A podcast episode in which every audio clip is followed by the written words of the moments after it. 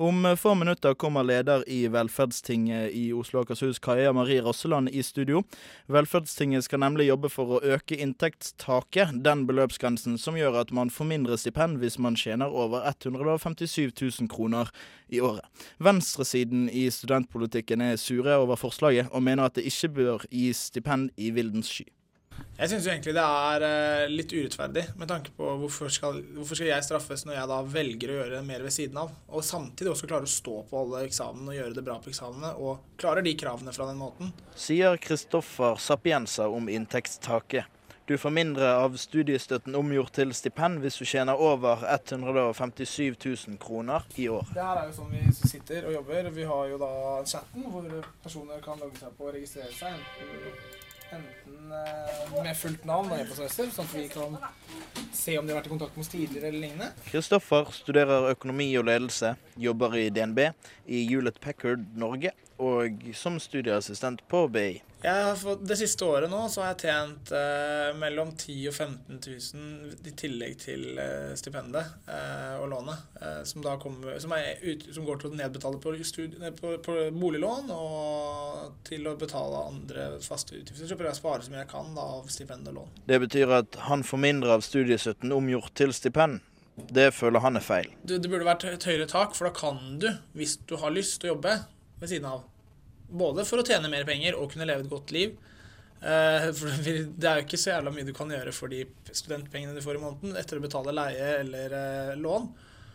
Eh, så er det jo greit å få det lille ekstra, og jeg tror vel så å si alle studenter jobber ved siden av. Han stiller seg spørsmålet Hvorfor skal man da straffes? Velferdstinget i Oslo og Akershus vedtok på velferdsseminaret forrige helg at de skal jobbe for å øke inntektstaket. Det møter motstand fra Celestina da Silva fra Venstrealliansen i studentparlamentet ved Universitetet i Oslo. Velferdstinget er nødt til å prioritere. Eh, på punkt 1.1, som er om 11 måneders studiestøtte, så argumenterer vi jo hele tiden med heltidsstudenten, og så skal vi da samtidig skyte oss selv i foten og si at eh, vi trenger jo ikke å være heltidsstudenter, vi har jo tid til å jobbe. Og vi vil gjerne få lov til å tjene mer da Silva er uenig i retorikken hvor straff blir brukt. Straff, vil jo, Da vil jo altså studielånet og stipendet være en form for belønning. Og det er jo ikke det det er. Det er eh, behovsprøvd. Og vi kunne jo selvfølgelig diskutert om vi ønsker at Lånekassen skal være et universelt velferdsgode, eller om vi ønsker at det skal være behovsprøvd, slik det er i dag, som et middel for dem som trenger hjelp til å ja, fullføre utdanningen sin.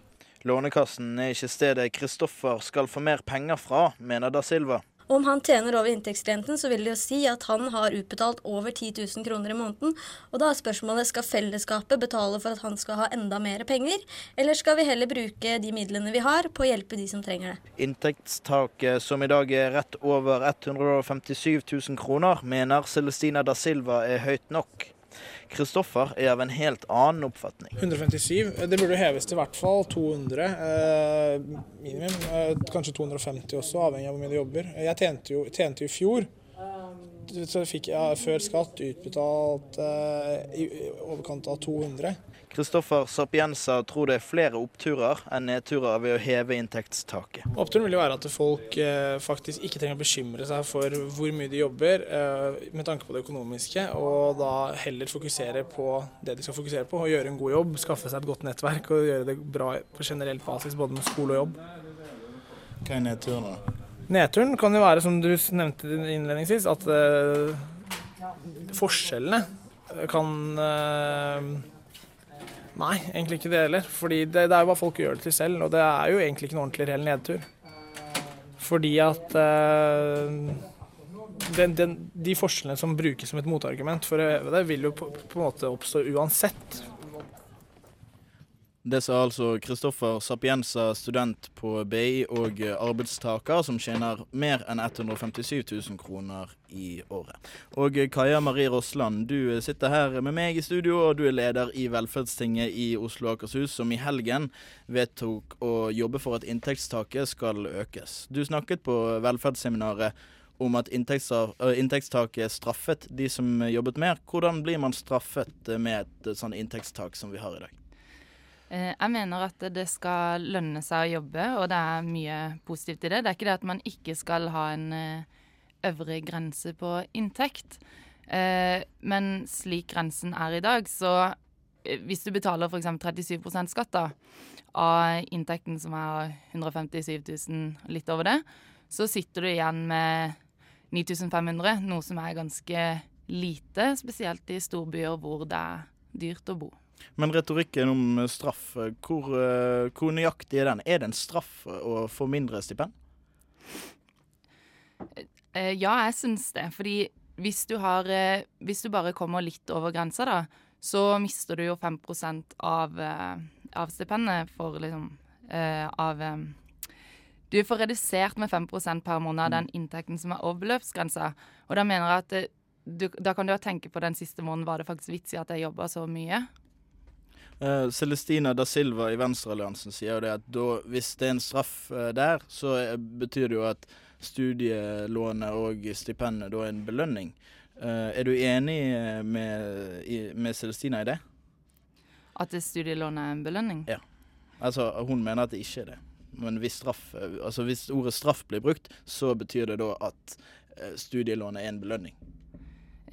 studielånet bør jo egentlig være såpass høyt at man kan eh, være heltidsstudent, men nå er det ikke sånn der. Og i dag så er det eh, et veldig stort press, og man skal spare til bolig og alt dette her. Og så det som man også glemmer i debatten her, er det at det, det er ikke nok det med at man liksom skal tjene hver måned, men det er hvis du faktisk har en 100% sommerjobb da, hvor man ikke får stipend, så er det veldig lett å komme over den grensa. Eller hvis du f.eks.